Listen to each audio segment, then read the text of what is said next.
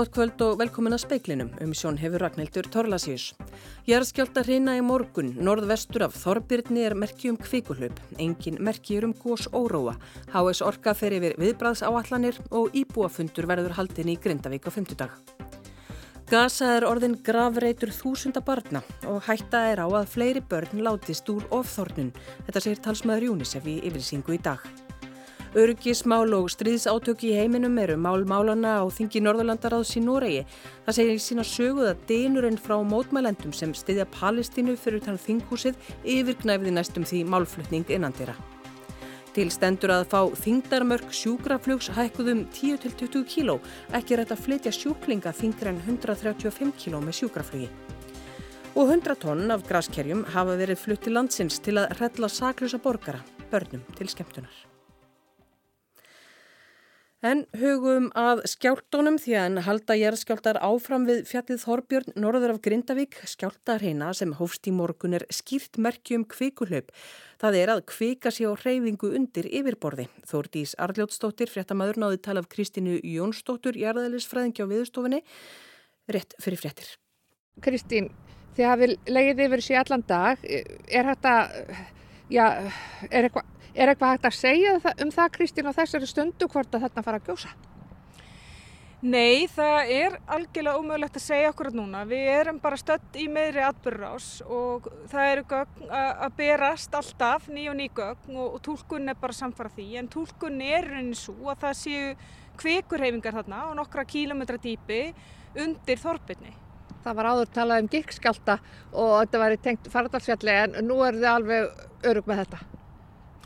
Já, já og hérna þetta voru uh, hugsalega gegnskjáltan en svo í rauninni uh, opnuð þeir fyrir uh, þetta kveikuflæði. Uh, en gósórói, hann er ekki að mælast. Það er svona undanfari þess að kannski hugsa sér komið elgós. Já, nei, við hefum ekki mælt elgósóróa, nei. Mm. Hvað er þið, ef við erum að tala um ef, hvað ef það fær að mælast gósórói uh, og þá hvað þurft að líða langu tími þá kannski færa að gjósa? Hvað líður langu tími á millum, maður bara hugsa um uh, fólk. Já, við, ég hugsa að við sjáum nú skýrari merki heldur en sko gósor og að sko ef að kvika er komið mjög nærri yfirborði þá, þá búist við, við, við mjög mikilli aflugun á járskorpunni og, og hérna gleðnun og, og, og náttúrulega bara skjálta, skjáltar verði grinnri með tíma. Við erum með mjög mikið að mælingum okkur að þarna á þessu svæði Um, þannig að, en við erum ekki ennþá farin að sjá það. Við, það, það bendur allt til þess uh, núna að, að þessi virkni sé á uh, cirka 34 km dýpi. Uh, meðan óttúber þá töluðum um það að kveika væri að sapna saman undir Fagradalsfjalli. Þorbjörn er svona nokkru vestar. Er þetta kveikar sem er að færa sig?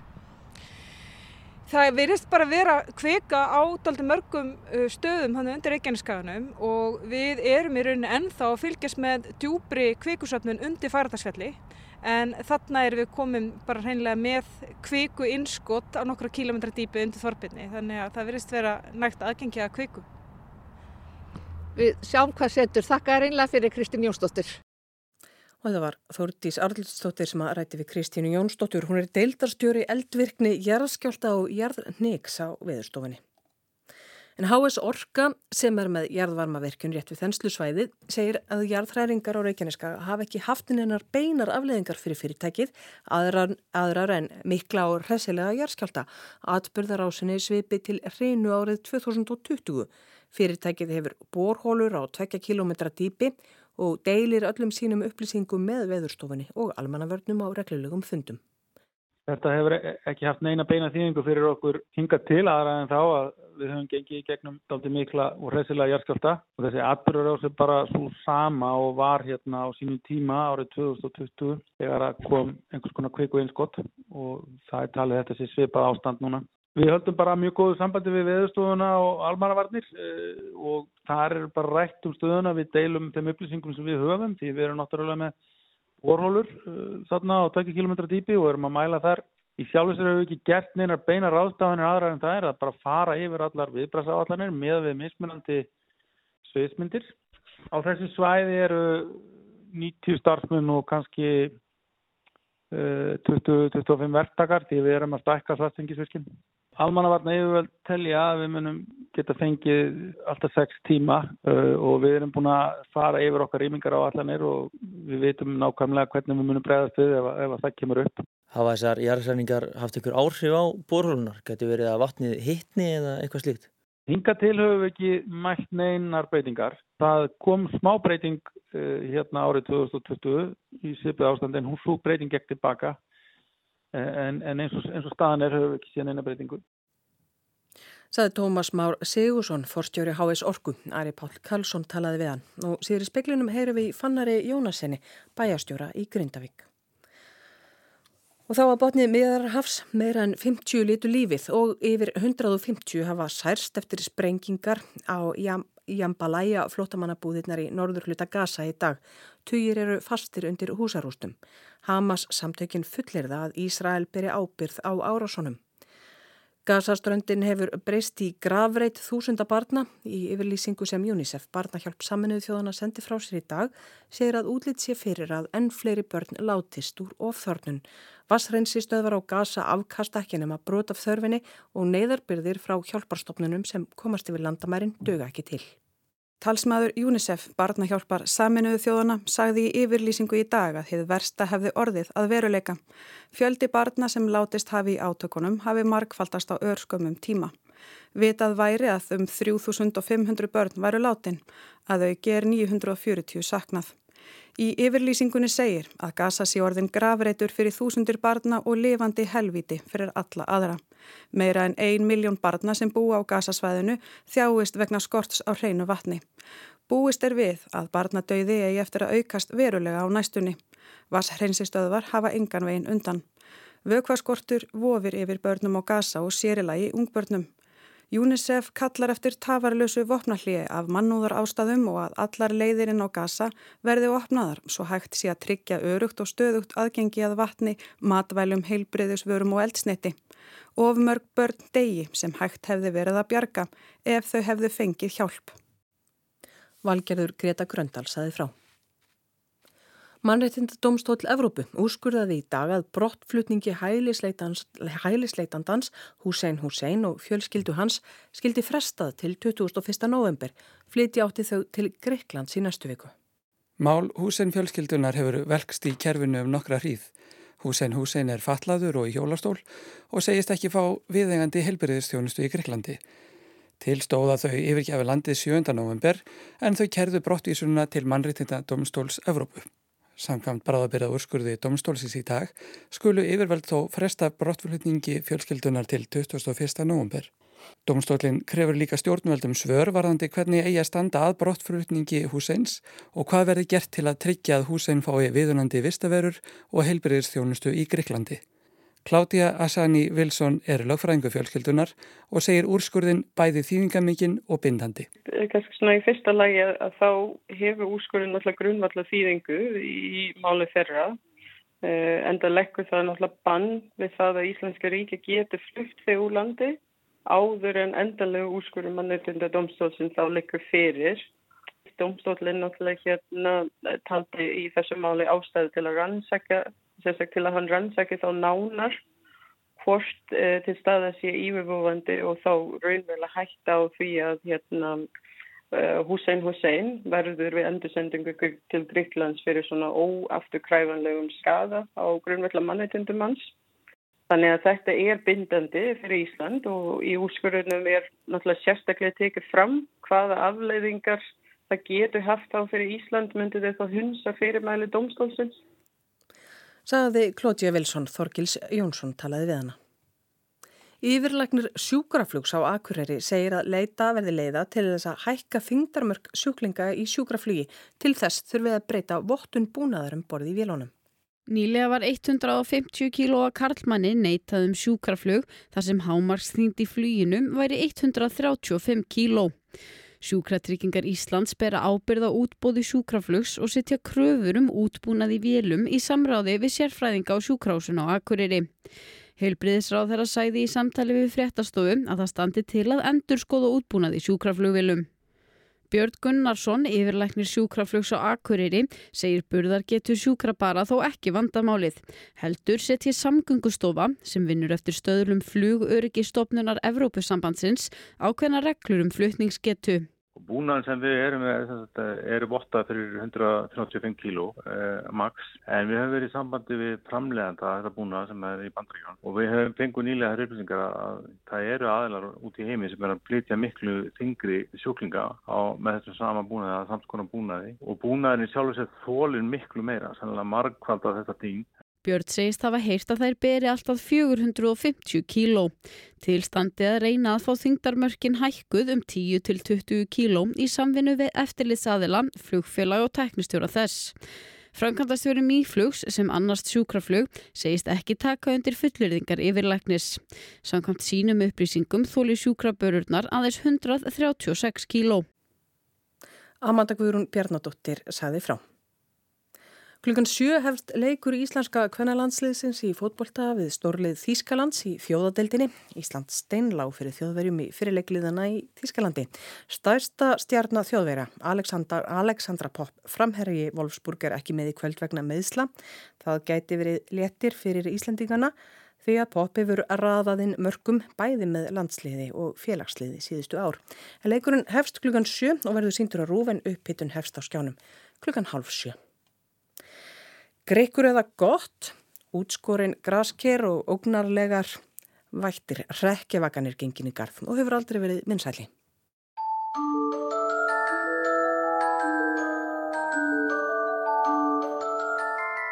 Hryllileg börn og skelvilegir foreldrar eru vísir með að banka upp hjá saklausum nágrunum í kvöld á rekjavöku. Heilu íbúakverfin hafa tekið sér saman og skipulagt ógnveikjandi heimsóknir grikk eða gott. Umstangið í kringum rekjavöku eikst ár frá ári. Valgerður Marja Gunnarsdóttir, verslunastjóri partibúðarinnar, segir miklu meira að gera í kringum rekjavökuna en öskudaginn. Á rekjavöku er oft skorið í grasker og kertaljósi komið þar fyrir. Barnanar EHF flutti inn ríflega 100 tonn af graskerum í ár, umtalsvert meira enn í fyrra þegar inn voru flutt 80 tonn. Dagurún Ósku Jónsdóttir, þjóðfræðingur, segir rekjavökuna eins og henni er fagnað núna vera nýlagt fyrirbæri. Hún eigi sér þó miklu eldri rætur. Rekkjavakan e, á sér mjög gamlar rætur í keltneskri háttíð sem að heitir Samhæn sem að var haldin á þessum svipað tíma hlums í Breitlandi og Írlandi. Á sama árstíma voru hátíðahöld á Norðurlöndunum, svo kallar vetur nætur. Það voru haldinn dísablót, þar sem menn heiðruðu verndarvættir ættarsinnar. Kristni fer að breyðast út, þá svona tekur hún kannski yfir þessa hátíð og hún verður þá að allra heilagra messu og kvöldi áður All Hallows Eve sem að verður síðan Halloween með tímanum. Og, og þá byrjum við kannski svona Halloween sem við þekkjum í dag það er farið að halda upp á hana. Sagði Dagni Ósk Jónsdóttir Valgerður Þorsteinsdóttir talaði við hana.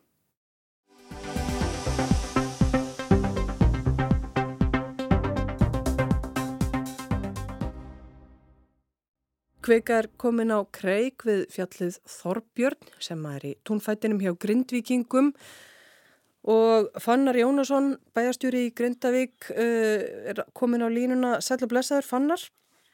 Sælvertu. Uh, Kanski bara svona rétt áður en við byrjum til þess að setja þetta í samhengi fyrir þá sem er ekki staðkunnugir í Grindavík. Þorbjörn er bæjarfjallið ykkar, ekki satt? Jú, það er rétt. Ef að þú ætlar að keira frá bæjarstjórnarskrifstofunum að þeim stað þar sem að þenslan er mest og, og svona kvikan fór aðeins af stað hann í morgun. Hvað ertu lengi? Hvað er þetta marga mínútur? Já, þá vorum við að tala um að keira svona fyrir bláa lónu sem er þarna og, og mannvirkina í svartsengi. Þetta eru kannski svona 5 mínútna axtur hérna og miðbænum í Grindavík. Já, þannig að þetta er, þetta er mjög stutt frá. Þetta er stutt frá en Þorbjörn fjallið okkar er þarna á milli þessara staða þannig að það sést ekki bláa lónur til Grindavíkur og öðvugt þannig að, að það er handan við Þorbjörn hérðan frá Grindavík að sjá. Mm. Hvernig leggst þetta í ykkur? Þetta leggst nú ekkit vel í okkur, vissulega þá kemur upp ótti og hviði hjá fólki Þetta er reyndar í fymta skipti sem að er landrís á þessum slóðum og frá 2020 og það hefur ekki orðið eitt gos í framhaldi af því en enga síður er það alvarlegt málið að getur verið að það sé kvirkusöfnun þarna undir og við vitum ekki hvert hún kann að leita í framtíðinu en, en þetta svæði er hins vegar mjög vel vaktað og við gerum best í því bara að fylgjast með því sem að eh, okkar færistu vísindamenn og almannavarnir eh, leiðbenn okkur um að gera og um að gera fylgjast vel með þrettum. Við erum að fá í sjálfu sér bara upplýsingarnar á sama tíma og það er verið að flytja þrettirnar í fjölmjölum og, og það um að gera fylgjast vel með því en auðvitað er þetta óþægli staða. Sko, hvernig komið þið uh, upplýsingum á framfæri við bæjabúa eða er, þið hafið haldið íbúafundi með almannavörnum eða eitthvað slíkt sem standur til? Við ætlum að halda upplýsingafund fyrir bæjabúa og alla þá sem að uh, vilja fylgjast með því. Það verður í beinu stöðmi líka. Þetta verður á 15. klokkan hálf 6. Það sem við erum að fá ísindamenn og, og veitustofnanir og fleiri aðeila frá lauruglunni og, og, og okkar besta fólk til þess að útskjera hvað er á ferðinni og einmitt til þess að gefa bæjarbúum kost á því að, að bera fram spurningar og fá þetta eiginlega sem að byndi að getur við sagt. Já, það eru margir innflýtjandur sem búa í Grindavík. Er fólk uh, nægilega upplýstum stöðumála, veistu það? Það er alveg rétt að það er svona okkur fjöldi sem er af ellendum uppruna og Við höfum reynd að leggja okkur sérstaklega fram við það að upplýsa þetta fólk í ferri atbyrjum. Þetta er kannski ekki komið eins langt á stað núna eins og við hefðum viljað. Þetta er, við erum einhvern veginn bara fylgjast með því líka við frá klukkutíma til klukkutíma hvernig atbyrjararfin er að, er að, hvernig er vindur fram. En þetta er eftir því sem við verðum að leggja mjög mikla áherslu á að fenginir einslu að passa vel upp á þennan hóp okkar. Mm. Fannar, er er undibúningur ætti að fara að huga meira að einhverjum undibúningi eins og varnargörðum eða eitthvað slikt? Það er búið að halda mjög marga fundi bæði núna þessu síðustu daga eða þá því að fyrstæðin var og náttúrulega í fyrir góðsum um það hvort að það sé ástæði til að fara út í að reyna, e, reysa einhverja varnargarða eða leiðigarða. Eh, Vandamálið er það að það er ekki vita hvað upptökin kunna að vera og, og það er eiginlega ómulegt að staðsetja varðargarða nema vera vissum uh, hvaðan raunir kynni að, að eiga upptöksín og vestarfalli geti varðargarður verið sko öðvugum megin við raunlegið.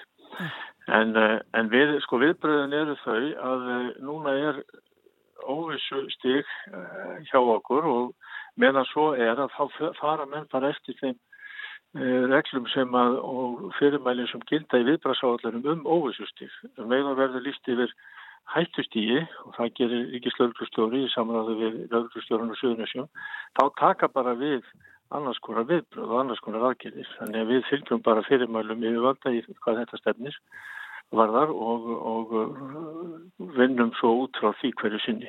Já, nákvæmlega. Ef út í það færi og við stefnum á því að, að það gerist ekki. Fannar Jónusson, bæjastjóri í Grindavík, takk fyrir að ræða við okkur í speklinu. Svo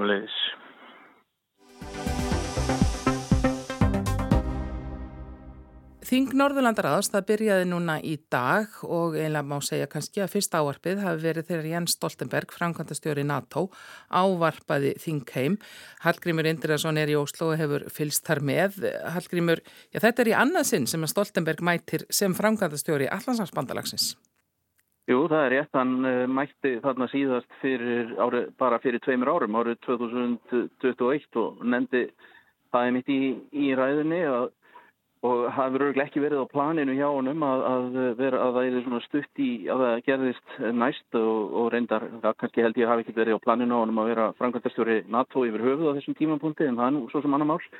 En uh, hann mætir núna þetta út að í ljósi uh, þarna bara ástandsins í heiminum og náttúrulega þegar þetta er þessi öryggismál eru sett á oddinn og, og Stoltenberg fenginn til að koma þá snýst mest, þetta mest um Úkrænustríðið en síðan hafa deilunar hefur hérna hafa átökjum fyrir botni miðjararhafs uh, bæstu við þannig að þessi mál hafa verið bara alltum líkjandi bæði í hans ræðu og, og bara á þessu tingi í allan dag. Hvað er menn sérst, nú hefum við náttúrulega verið heyrt núna af atkvæðagreyslu saminuð þjónum til og Jórdaní og kröfum vopnallið sem að, en nú kannski ekki dvísta að skili neitt gríðarlega miklum árangri, en efast um það, en mm. sko, og við, e, Noregur var það svolítið sér á bóti, en er annars svona samhljómar hjá Norðurlandunum? Það, var, það er allavega það sem uh, norrænu fórsættisáþeirarnir uh, vildu koma skýst á framfæri þegar þau heldu bladamannafundin í morgun og það var það, og fundurinn bara hófst á því og það var greinilegt að það átt að koma þeim skilabóðum mjög skýst til skila. Að þó að Norðurlöndin hafi kannski ekki greitt atkvæði alveg á sama hátt á í þessari tiltekinu atkvæðagreislu þá væru þau sko samstíga í grundvallaratriðum og þessari grundvallarkröfu að það erði mannúðar uh, vopnalli og það erði og að í óbreytum borgurum á gasa erði komið til hjálpar og uh, þetta er allavega afstæða sem, sem uh, við, menn vilja og allavega leðtóður Norðurlandina vilja að, að hérna sé skýr og að, að hérna og þau vilja að bæra greinilega að. Almenningur viti það að Þetta er alveg skýr krafa af, hendi, eh, af, af hálfu Norðurlandana og, og uh, það er engin afsláttur af því þó að uh, þessi tiltekna atkvæðagreisla hafi ekki verið greitt, minna ekki greitt atkvæði þar á sama hátt allir. En allarsafsbandalagi, það var náttúrulega lengi, lengi vel þannig að hvorki finnarni svíjar voru í allarsafsbandalaginu og svíjar ekki komnir inn alveg enn. Þa, það er náttúrulega stóra breytingi kannski í sambandi við Norðurlandasamstarfi, það er aðildina NATO. Jú, og þetta, þessu held uh, Stoltenberg líka mjög á, á lofti að þegar svíjar væru komnir inn og, og, og hérna og í, í reynda bladamannafundir Stoltenberg hérna áðan þá þjörmiðu sænskir fjölmiðlar svona svolítið á honum og, og með, með aðildina en hann allavega fullvisaði þá um að hann myndi ekki unna sér kvíldar fyrir hann að Svíþjóð væri komið inn. En þegar það hefði gæst og öll, öll Norðurlöndin væri komin inn að uh, þá væri hafið einhvers konar norræn varnar samstarf innan á, á vettongi NATO sem Stoltenberg telur greinlega skipta alveg, alveg gríðarlegu máli síðan kannski þarf þá að koma í ljós eða framlýða stundir uh, hverju, það, uh, hverju það síðan á, á eftir að skila til framtíðar Öryggismálinn eru svona í forgrunni á þessum fyrsta degi en það er fleira undir á Norðurlandarástingi, er það ekki? Jú, uh, og það er svona svolítið, svolítið svona skrítið kannski að, að heyra það því að Norðurlandin hafa, hafa svona alltaf í, í þeirri þingum undanfærin áru var lagt mikla áherslu á lofslagsmál, á, á hérna, sjálfbæra þráun og á hérna, orkuskipti, yfirskriftin á þessu þessu þingi eru örug, græn og ung Norðurland og, og, það, og hérna þessi, og það, en, en hérna leðtöfarnir þurfa að svona, svona að hafa fyrir því að koma því að, að, að það er ekkit verið það, að lofslagsmálin eru ennþá stór þáttur í, í starfi Norðurlandaráðs og þau séu gríðarlega mikilvæg líka. Þannig að þau eru, eru hérna ennþá verða, mjög ábyrrandi og svo eru svona einstök uh, minni mál en það sem, það sem hérna hefur, hefur reyndar líka verið svona sett svolítið sveipsinn á þingið og nú þarf ég að koma kannski eftir af öryggismálunum er að það hafa verið mikil mótmæli hérna fyrir utan þingið aðalega þá til stöðnings Palestínu og, og, og það er ekki nóg með það hérna þessi mál hafa kannski verið að kæfa þá hinn málinn heldur kæfuðum mótmælinn nánast uh, málflutning þingmanna í, í dag. Það heyrðist svo mikið þarna inn. Uh, þannig að uh, þó að það sé ímið svona stór mál þarna til umræðu þá er þetta kannski byrtingamind af því að öryggismálinn eru svona svolítið nánast að, að, hérna, að taka þetta þingið. Þakka þið fyrir Hallgrimur Indriðarsson.